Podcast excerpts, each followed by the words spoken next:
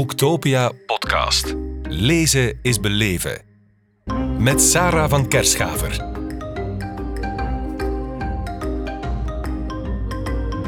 Karen Hellemans. Welkom in onze podcast op Boektopia in Kortrijk. Dag Sarah. Ja. Ja, we kennen jou natuurlijk als hoofdredactrice van tijdschrift Libel. Mhm. Maar zo lezen we in jouw boek Er was eens een dapper meisje, uitgegeven bij Pelkmans.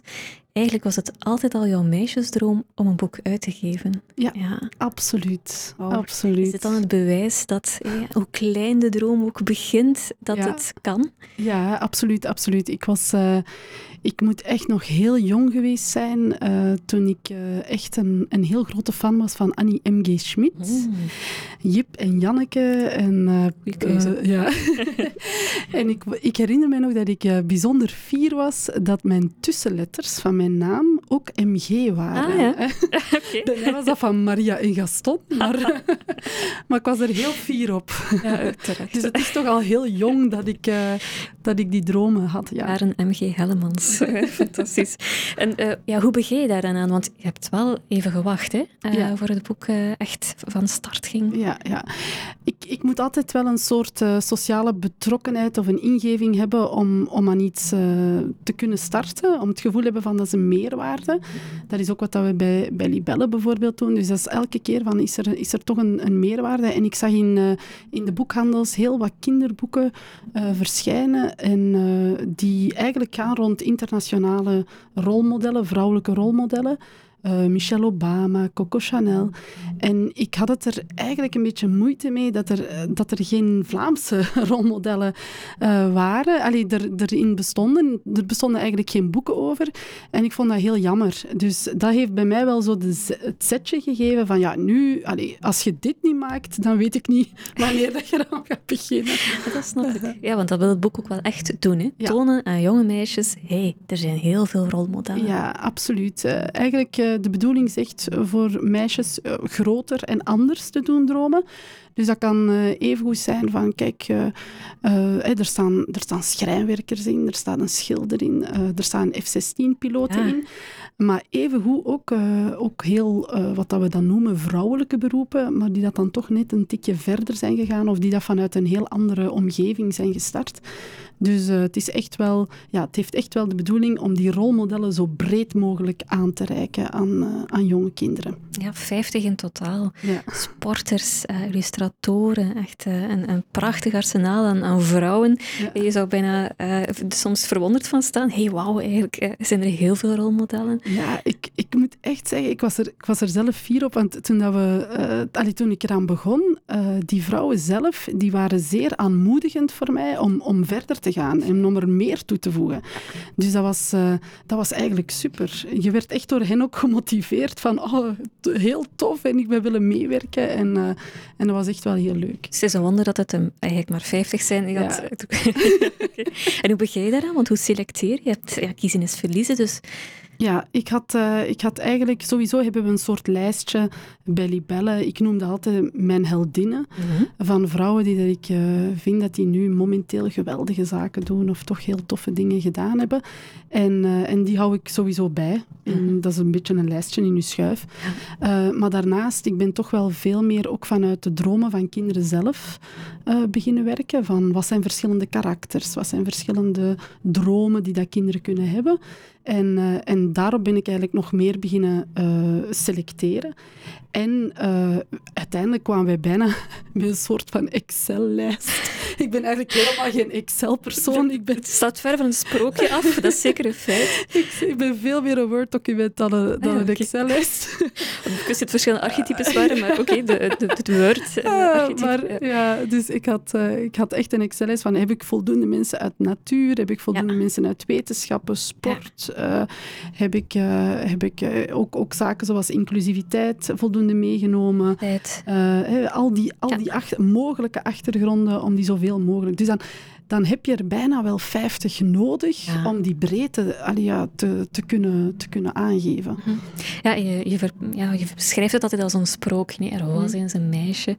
Um, heb je dan een, een, gesprek gevoerd met elk van deze vrouwen en op daar, basis daarvan dan een verhaal geschreven? Of hoe pak je het aan? Het, is, uh, het zijn heel verschillende... Het is soms uh, anders gegaan. Bij de ene uh, had ik echt wel nood aan een gesprek, omdat ik niet echt... Uh, ik wou die vrouw dan bijvoorbeeld heel graag, uh, heel graag uh, in het boek hebben, maar ik vond niet de juiste invalshoek vanuit een kind. Hè, want je moet toch een, een heel goede anekdote, die daar heel herkenbaar is voor kinderen, erin mee kunnen brengen. En dan heb ik altijd een gesprekje gehad.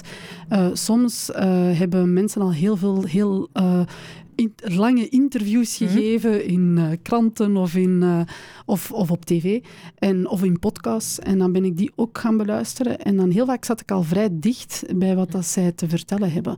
Dus, uh, maar ze hebben het allemaal voorgelegd gekregen. Ze hebben ook allemaal op- en aanmerkingen kunnen geven. Dus ze staan ook alle 50 achter hun ja. uh, verhaaltje. Ik vond dat ook heel belangrijk, want uh, ik vind dat je ook belangrijk... Uh, het is te belangrijk dat zij ook fier zijn op mm. hun kinderdroom ja. en hun evolutie. Ze moeten ook de ambassadeur van hun eigen droom blijven. Ja, dat vind ik wel. Dus je moet heel dicht bij hen blijven en bij hun karakter.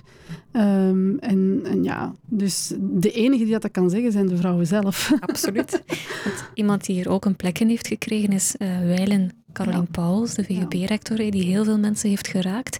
Ze is deze zomer overleden. Hoe is dat gegaan, haar verhaal? Oh, dat, was, uh, dat is voor mij persoonlijk een van de meest ontroerende uh, verhalen. En ook, ook hoe dat het gebeurd is. Uh, dat is omdat ik... Ik heb van Caroline les gekregen. Ik heb zelf aan de VUB gezeten. Dus ik uh, kende haar al uh, van voordat ze eigenlijk prof werd. Want ze was toen nog maar assistent. Dat is al, uh, al zo lang geleden. En ik heb dat altijd een topvrouw gevonden. Voor mij was zij ook de eerste vrouw... Um, ik ben zelf een heel optimistisch iemand. Mm -hmm. En, uh, maar optimisme en intelligentie wordt niet vaak samen gerijmd uh, in, in onze cultuur. Je moet eerder een zwartkijker zijn en dan, dan ben je als ongetwijfeld ja. uh, intelligent en heel kritisch. En, en zij was voor mij iemand die dat die twee rijmde en ik dacht, goh, dat kan dus wel. Ik kan dat dus ook zijn. Ik kan intelligent zijn en toch een zonneke. En, uh, en dat vond ik... Uh, allee, het, is daarom, het is bij mij iemand geweest die dat altijd een van mijn grote rolmodellen is geweest. Ik wist dat ze uiteraard dat ze, dat ze ziek was. Uh, maar ik wou haar absoluut nog in het boek. En, uh, en ik heb haar dus ook uh, de verhaaltjes... En dat was, op, dat was eigenlijk echt bijna per WhatsApp. Mm -hmm. um, gedurende de laatste ja, achteraf dan gezien, de laatste weken voordat, ze, voordat uh, zij overleden is. En dan was het ook nog, nog ongelooflijker, vond ik, uh, dat zij nog bezig was met... Uh, ja, met, met haar verhaal en hoe, dat ze, hoe dat ze dat toch ook anderen blij kon maken. En ze was nog altijd bezig met anderen. En niet, niet met zichzelf. En uh, ja, ik vond dat echt een, een ongelooflijke vrouw. Ja. ja. zij vertelt over de fietsen. En ja. de fiets haar eigenlijk ja, de wereld heeft laten zien en het gevoel geven, ik kan naar een andere plek waar er van alles mogelijk is. Ja, ze was duidelijk uh, al van jongs af aan een kleine filosoof en die ook, uh, eh, VUB staat voor de vrijheid van denken. Mm -hmm. En uh, dat is denk ik iets wat dat zij... voor haar was het gevoel op de fiets, was het gevoel van vrijheid om de wereld in te gaan, vrijheid van denken, openheid. En dat wilde zij daarmee symboliseren. En uh, zij vond ook dat het, uh, het gedicht van Bart Moejaert dat erover gaat, uh, wat hij heeft gemaakt, dat dat perfect eigenlijk dat weerspiegelde. En zij vroeg mij dus, wil je alsjeblieft ook vragen aan Bart, want eigenlijk gebruik ik die anekdote, dat dat oké okay is voor hem om dat te doen, want ze wou daar absoluut geen, geen misverstanden over. Dus, maar Bart heeft daar ook zijn medewerking ja. op meegegeven en uiteraard. En ja, de, Oh, ik vind het een heel mooi verhaal geworden en ook een verhaaltje wat dat haar echt wel um, typeert. Ja, typeert ja. En is, is dat dan voor jou de essentie van een dapper meisje in de titel? Ja. Uh, er was eens een dapper meisje, namelijk iemand die durft. Ja, iemand die dat heel dicht bij zijn eigen karakter, talenten uh, durft te blijven, maar daar wel voluit voor gaat. Ja. Is voor mij, uh, dat is voor mij moedig zijn, is eigenlijk je eigen, toch je eigen kwetsbaarheden kunnen kunnen zien, je eigen talenten ook, en dan ten volle uh, daarvoor, uh, daarvoor kunnen gaan en die ontplooien. En uh, ja, dat is voor mij wel de essentie. De, al die vrouwen die dat je hierin vindt, zijn eigenlijk, hebben op een gegeven moment hun, hun talent echt wel kunnen, kunnen zien, kunnen herkennen. En, en zijn daar echt tot het... Ah ja, die gaan daar voluit voor. En dat is...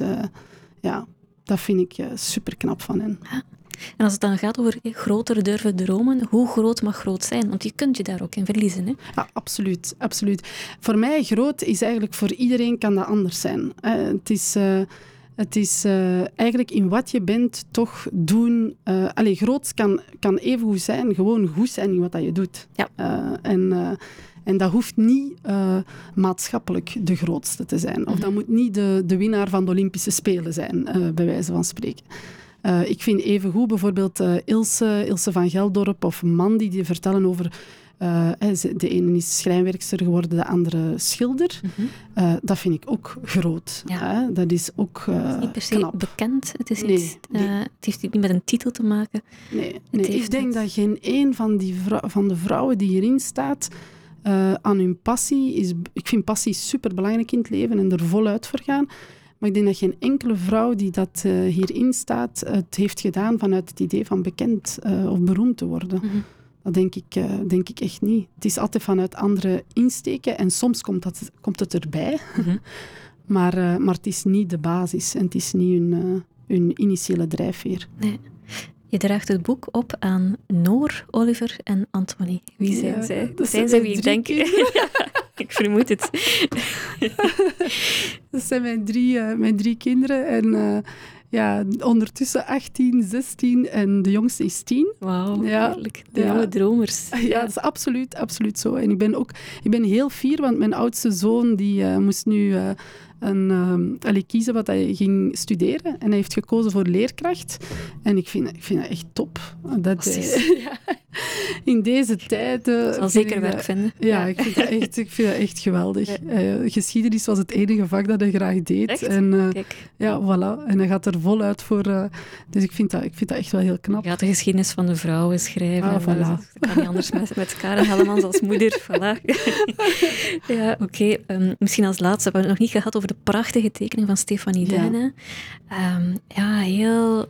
dat, het draagt dat magische, dat sprookjesachtige in zich. En toch, hey, je herkent in de tekening die ze maakt ook de personen die ja. aan het woord zijn. Uh, hoe heb je haar gevonden?